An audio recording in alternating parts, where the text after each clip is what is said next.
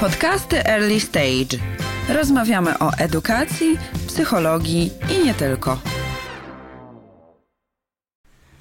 Cześć, witam Was bardzo serdecznie w kolejnym podcaście Early Stage. Nazywam się Beata Wysocka i jestem metodyczką główną. Postanowiłam opowiedzieć Wam troszkę o uważności i o tym, jak ta uważność może przydać się Waszym uczniom i Wam. Zacznijmy więc od tego, co to właściwie jest uważność.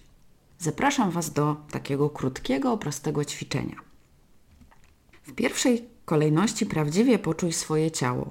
Uświadom sobie stan, w którym znajduje się ono teraz. Zaobserwuj, czy jest zmęczone, czy pozostaje czujne, czy jest zrelaksowane, ciężkie, czy lekkie. Czy możesz poczuć je wyraźnie, czy może trudno jest je wyczuć. Postaraj się naturalnie zaobserwować, jakie ono teraz jest. Uwolnij wszelkie napięcie. Pozwól swojemu ciału zwyczajnie usadowić się w pozycji, w której teraz się znajduje, siedzącej albo leżącej. Bądź świadomy Twojego umysłu, tego jakie myśli krążą wokół niego. Czy Twój umysł jest spokojny i obecny tu i teraz, czy może zdenerwowany i rozproszony? Jakie uczucia dostrzegasz? Cokolwiek zauważasz w swoim ciele czy w umyśle, pozwól temu pozostać dokładnie takim, jakim jest. Nie próbuj tego zmienić. Po prostu pozwól temu być z pełną akceptacji i przyjacielską postawą. Obserwuj, jak to jest oddychać. Poczuj rozszerzanie i zmniejszanie się Twojego brzucha, podnoszenie i opadanie ramion.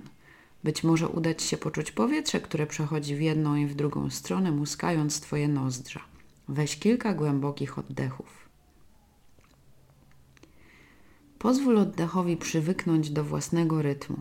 Pozwalaj na to, aby ciało oddychało naturalnie, ponieważ ono wie, jak to robić, nawet wtedy, kiedy nie zwracasz na nie uwagi. Postaraj się naturalnie obserwować, jak to jest brać wdech i wydech. Pozwalaj uwadze zatrzymać się na moment tam, gdzie właśnie jest. Możesz skupić się na ciele lub na oddechu, być może na nozdrzach lub klatce piersiowej lub na brzuchu. I skoncentruj uwagę właśnie na tym, Zachowaj świadomość każdego wdechu i wydechu.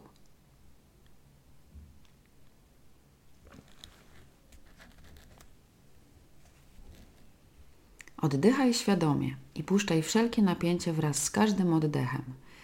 Delikatnie skupiaj uwagę na oddechu, niczego nie blokując, ani nie koncentrując się na nim nadmiernie. Po prostu używając go jako kotwicy, która zatrzyma uwagę w teraźniejszości. Podążaj za każdym oddechem, za całą jego drogą, początkiem, środkiem i końcem. Bądź faktycznie zainteresowany tym, jak oddychasz. I za każdym razem, kiedy Twoja uwaga gdzieś ucieknie, nieważne gdzie, zwracaj uwagę dokąd poszła i delikatnie przewróć ją ku oddechowi. Koncentruj uwagę na oddechu ponownie tyle razy, ile jest to konieczne. Wracaj do oddechu do tego momentu, w każdej chwili, oddech po oddechu. Każdy Twój oddech jest niepowtarzalny. Tego oddechu nigdy wcześniej nie wziąłeś i nigdy więcej nie weźmiesz. Tego oddechu, którym oddychasz teraz. Nie przejmuj się, jeśli wydaje Ci się, że trochę kontrolujesz oddech. To normalne. Po prostu zauważ tę myśl. To tylko myśl. Odczuwaj dalej, jak to jest brać wdech i wydech. Powracaj do oddechu za każdym razem, kiedy Twoja koncentracja gdzieś ucieknie. Kiedy w umyśle gromadzą się myśli, staraj się je po prostu zauważyć. Przyjmuj do wiadomości, że coś odwiodło Twoją uwagę od oddechu i delikatnie przywracaj ją z powrotem. Utrzymuj stan świadomego oddychania. Obserwuj to, co rozprasza Cię w uświadamianiu swojej przestrzeni Postaraj się zauważyć to wszystko. Nie staraj się niczego zmienić ani usunąć ze świadomości. A teraz w miarę możliwości rozszerz świadomość na miejsca, w których obserwowałeś oddech, aby poczuć ciało jako całość. Obserwuj, jak Twoje całe ciało jest zaangażowane w oddychanie. Staraj się czuć, jak to jest zwyczajnie siedzieć i oddychać, powracać wciąż i wciąż do tego momentu, do tego oddechu. Pozostając w kontakcie ze swoim oddechem, delikatnie pozwalaj otworzyć się oczom. Spróbuj zauważyć, jak to jest kierować swoją uwagę z powrotem na otoczenie, jednocześnie pozostając w kontakcie z oddechem. Pamiętając, że to jest coś, co możesz robić w każdym momencie dnia, gdziekolwiek jesteś, cokolwiek robisz. Oddech jest zawsze z Tobą, tak jak i ciało. I zawsze jest powrót do teraźniejszości.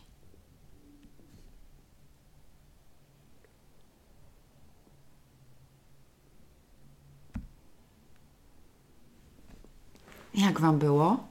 Mam nadzieję, że jesteście już wyciszeni i że poczuliście, co to jest uważność.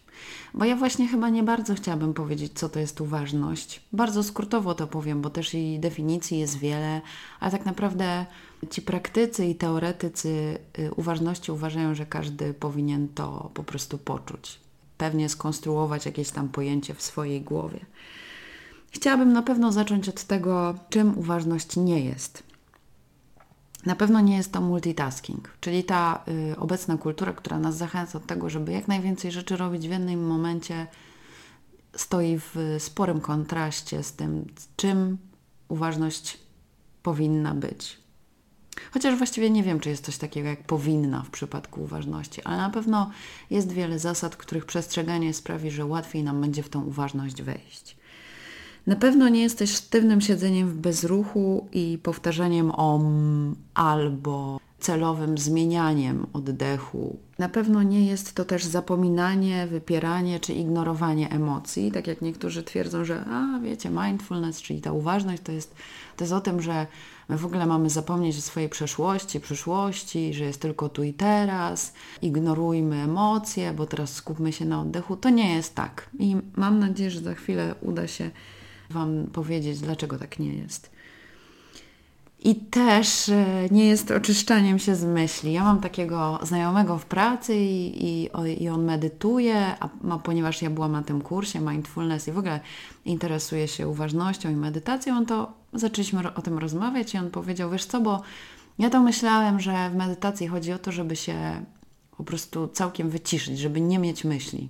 I to jest złe założenie. Jeżeli założycie sobie to, to będziecie sfrustrowani do końca życia i nigdy nie będziecie tak naprawdę w stanie pojąć istoty i korzyści z tego, co daje uważność czy, czy inny rodzaj medytacji.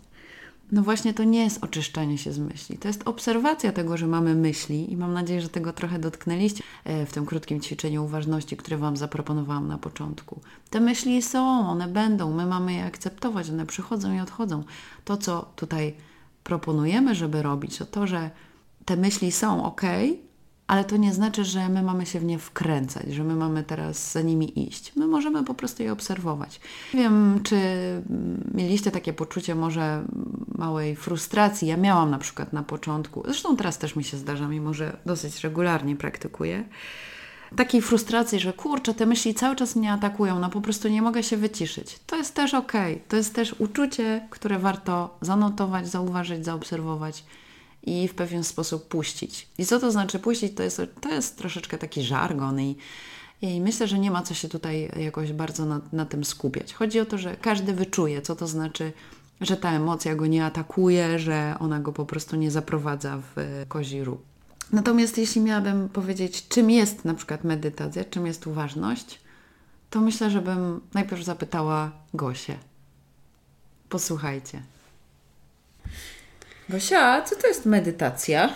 W medyta medytacji wchodzi też o to, że trzeba się uspokoić i za zamknąć oczy i oddychać.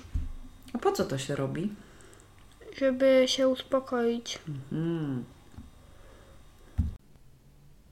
Gosia tutaj właśnie dotknęła co nieco istoty medytacji.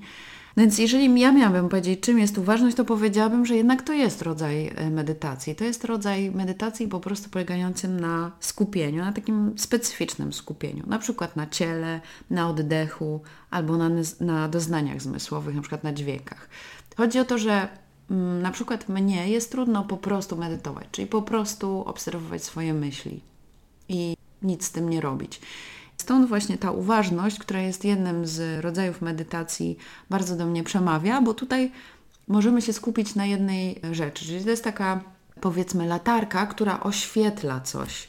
Nie jest to tak, że my widzimy cały pokój, ale nie jest to też laser. To jest latarka, która na przykład oświetla ciało. I ja na tym ciele się skupiam i wtedy jest mi łatwiej się wyciszyć, łatwiej jest mi te swoje emocje zaobserwować. Zresztą ciało jest połączone z emocjami, to na pewno wiecie, więc obserwując ciało mogę coraz lepiej te swoje emocje nazywać czy regulować, dlatego że skupienie na ciele, skupienie na emocji, dostrzeżenie ich pozwala mi się do nich też dystansować.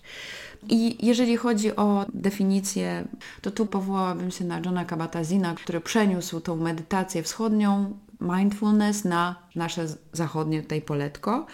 I on w ogóle włączył ją do poznawczo-behawioralnej psychologii, przetestował, no po prostu naukowo opracował, za co myślę powinniśmy mu być bardzo wdzięczni, bo on naukowo przetestował medytację i pokazał jej ogromne korzyści. Dodatkowo wprowadził też w praktykę, zrobił takie treningi dla pielęgniarek, ratowników, ludzi, którzy mają sporo stresu w pracy i oni e, mieli taki program i on po prostu na podstawie tego programu również pokazał, jak to powinno wyglądać i jakie to e, przynosi korzyści. No więc on powiedział, że e, uważność, czyli mindfulness, to jest świadome kierowanie uwagi na chwilę obecną bez osądzania. I to jest y, dużo, bardzo dużo w tym się kryje. Ja tutaj najbardziej się zgadzam z tym, że to nie jest takie proste. Ale, ale być może można z tego elementy jakieś skorzystać. Myślę, że ja spróbuję Wam tutaj jakieś takie elementy y, przedstawić. I chciałam powiedzieć y, troszeczkę o tym, co daje uważność. Jeżeli się ją rzeczywiście ćwiczy, to na pewno pozwala się wyciszyć pozwala nam na coś takiego jak zatrzymanie, to się nazywa emotional hijack, czyli zatrzymanie takiego oddania się emocjom w taki sposób, kiedy one nas atakują i wręcz zabierają ćwiczy tą kontrolę poznawczą i emocjonalną, co, co u dzieci bardzo często nie występuje. One mają po prostu jeszcze nie rozwiniętą tą korę przedczołową i trudno im się dziwić, że jak już są w tych emocjach, to tak bardzo impulsywnie reagują. Natomiast właśnie uważność pozwala na to, że tą kontrolę ćwiczymy. To, się, to możemy to nazywać samokontrolą. Ja trochę źle się czuję z tym określeniem kontrola. Mam takie wrażenie, że tutaj jest jakieś trochę uwięzienie tych emocji. No ale może to jest tylko moje. W każdym razie ja bym to nazwała regulacją bardziej emocji. Czyli są te książki na przykład self-reg i myślę, że tutaj dużo Wam powiedzą na temat tej kontroli emocji czy regulacji emocji. Poza tym uważność też łączy ciało z myślami i z oddechem, co jest ważne na przykład dla rozróżniania emocji. Bardzo często jest nam, nie wiem jak Wam, ale mi jest czasami trudno określić, jaka, jakie właściwie uczucie ja teraz czuję. Czy ja coś tam czuję, ale nie umiem tego nazwać. A nazwanie jest dobre dlatego, żeby na przykład wiedzieć właśnie jak ja reaguję i zastanowić się, czy mogę reagować inaczej.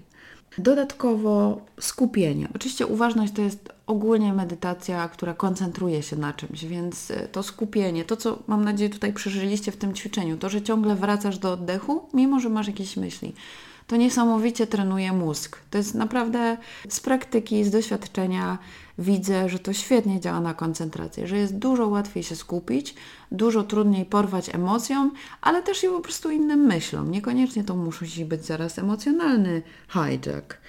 A jeżeli się skupiamy na tych emocjach i obserwujemy je z pewnym dystansem, jaśniej widzę to, co się wydarza, kiedy się mniej stresuję, czyli wyciszenie, sprawia, że ta moja obserwacja jest mniej ocenna, mniej nacechowana emocjonalnie.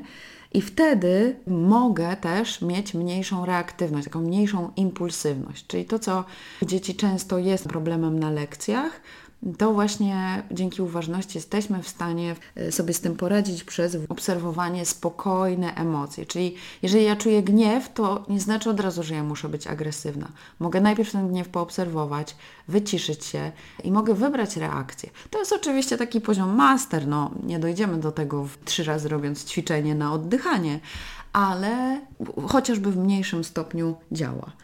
No i już tak, tak, taka grubsza rzecz to jest akceptacja.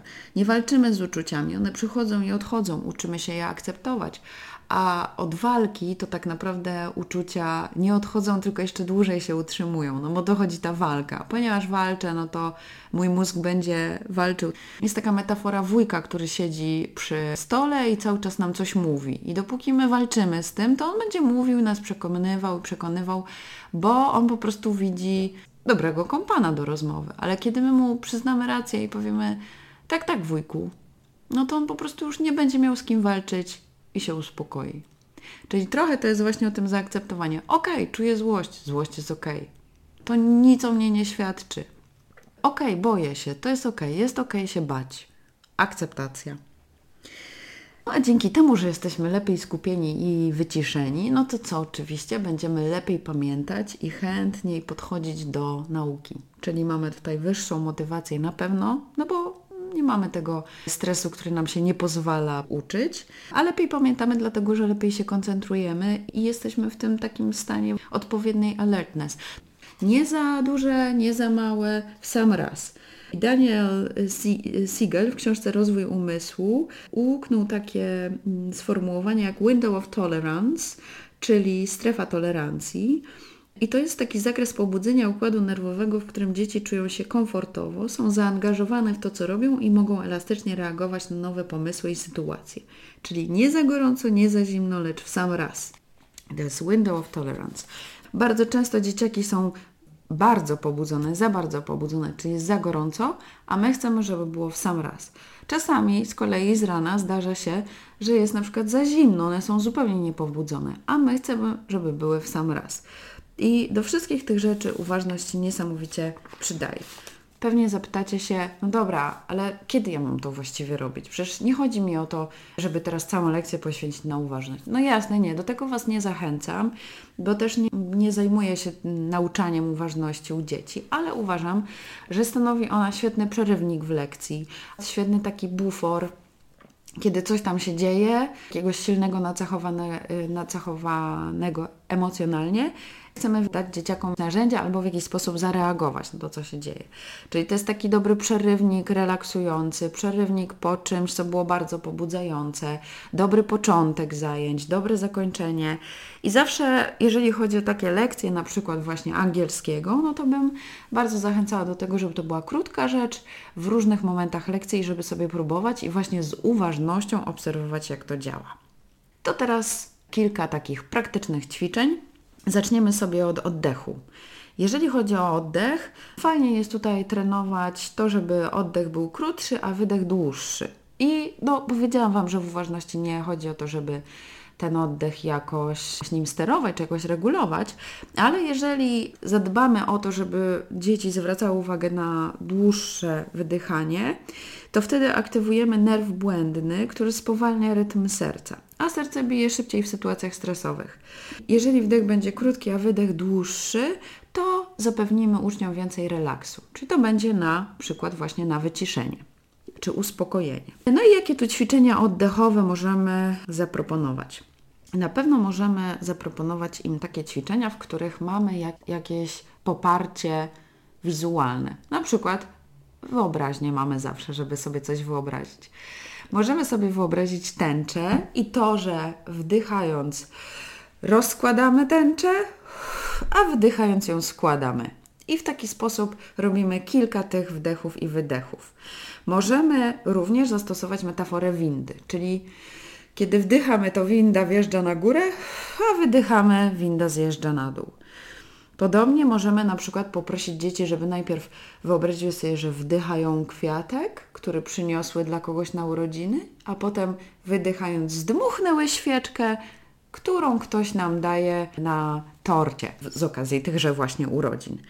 Metafor jest wiele, myślę, że sami możecie też sobie pomyśleć. Właśnie zdmuchiwanie świeczki, dmuchanie i spuszczanie powietrza z balonika. Chodzi o co? O to, żeby zakotwiczyć ten oddech z jakimś obrazem, dlatego że jest się łatwiej skupić.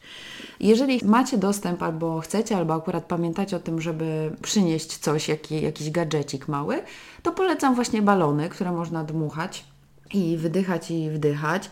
Możemy też dmuchać piórka, nadmuchany balon, tak, w taki sposób, żeby on nie spadł na ziemię. Jeżeli chodzi o wszelkie jakieś takie puszki małe, kuleczki, to też możemy je na przykład z ręki zdmuchiwać w taki sposób, żeby jak najdalej wypadły. No i co mamy w ten sposób? Mamy w ten sposób uczniów zaangażowanych w zabawę, którzy nawet nie wiedzą, że wydłużają swój wydech. Mm, ja nie wiem, czy ktoś z Was ma takie doświadczenie jak zajęcie z emisji głosu. Ja miałam na studiach emisję głosu i to były moje, jedne z moich ulubionych zajęć, dlatego że ja po nich wychodziłam z strasznie zrelaksowana, ale też właśnie w taki, z takim dobrym nastawieniem, z tą właśnie relaxed alertness, czyli z, taką, z takim poczuciem, że mam energię, ale też, że nie jestem taka nabuzowana, że nie jest dla mnie za dużo tych, tych emocji. Właśnie chodzi o to, zaczęłam się zastanawiać, dlaczego właśnie ja się tak czuję po tych zajęciach, a po innych na przykład niekoniecznie to, co się tutaj stało, to to, że, że ktoś zadbał o relaks poprzez oddychanie. Myśmy tam przez to, że ćwiczyliśmy bardzo dużo różnych odgłosów, pracowaliśmy ze stronami głosowymi, no to w automatyczny sposób, a czasami też właśnie tak bardziej, mniej automatycznie, bardziej refleksyjnie podchodziliśmy do oddechu. Kolejnym, kolejna grupa ćwiczeń to ćwiczenia związane z doznaniami zmysłowymi. Fajnie jest się skupić na dźwięku. Nie bardzo polecam ćwiczenia związane z obserwacją rzeczy, bo, bo trudno jest nam się skupić na doznaniach wzrokowych, dlatego że ich ogólnie mamy bardzo dużo. Fajnie jest się skupić na dźwiękach. Na przykład na YouTubie, ja tam później podlinkuję, więc nie martwcie się, nie wyszukujcie teraz.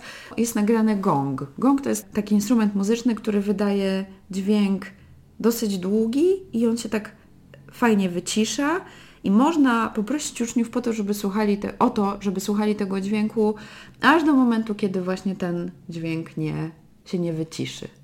Możemy ich prosić o to, żeby przez minutę słuchali tego, co się dzieje w klasie z zamkniętymi oczami i liczyli. Dla dorosłych to w ogóle jest dużo więcej takich ciekawych obserwacji dźwięku, na przykład czy Twoim zdaniem ten dźwięk się rozszerza, czy on ma jakiś kolor, ale myślę, że z dzieciakami zastosowałabym coś prostego, dlatego że też nie mamy za dużo czasu, no i bardzo często z nimi zaczynamy w ogóle pracę z uważnością.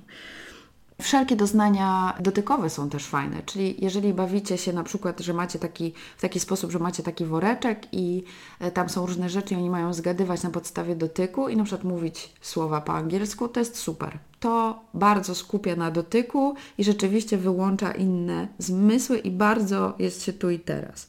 Możemy też e, poprosić naszych uczniów, żeby przez chwilę po prostu chodzili cicho i powoli. I bardzo powoli i coraz powolniejsze ruchy a potem znowu na przykład szybko i głośno. I w ten sposób oni też y, skupiają się bardzo na, tym, na tych wrażeniach y, dotykania stopy do podłoża, ale też właśnie na ruchu. No i właśnie przechodząc do ciała. Jeżeli chodzi o ciało, no to tutaj klasycznym ćwiczeniem w mindfulnessie jest skanowanie ciała. Jest również sporo na YouTube filmików czy nagrań, w których właśnie skupiamy się na ciele, na doznaniach z poszczególnych części ciała. Niektóre bardzo proste, więc y, nawet widzę to jako fajne ćwiczenie nazw części ciała dla maluchów, a dla starszaków no to jeszcze więcej tych nazw części ciała, ale też wrażeń, które właśnie z tego ciała mamy. Bardzo dobre do ćwiczenia uważności z ciałem jest yoga. Pozycje jogowe, w których trzeba wytrwać i można to zrobić w taki sposób, że przynosicie po prostu wydrukowane obrazki tych pozycji i nie chodzi tu o to, żeby wasi uczniowie to robili perfekcyjnie. Nie jesteście przecież instruktorami jogi, tylko nauczycielami jakiegoś tam przedmiotu.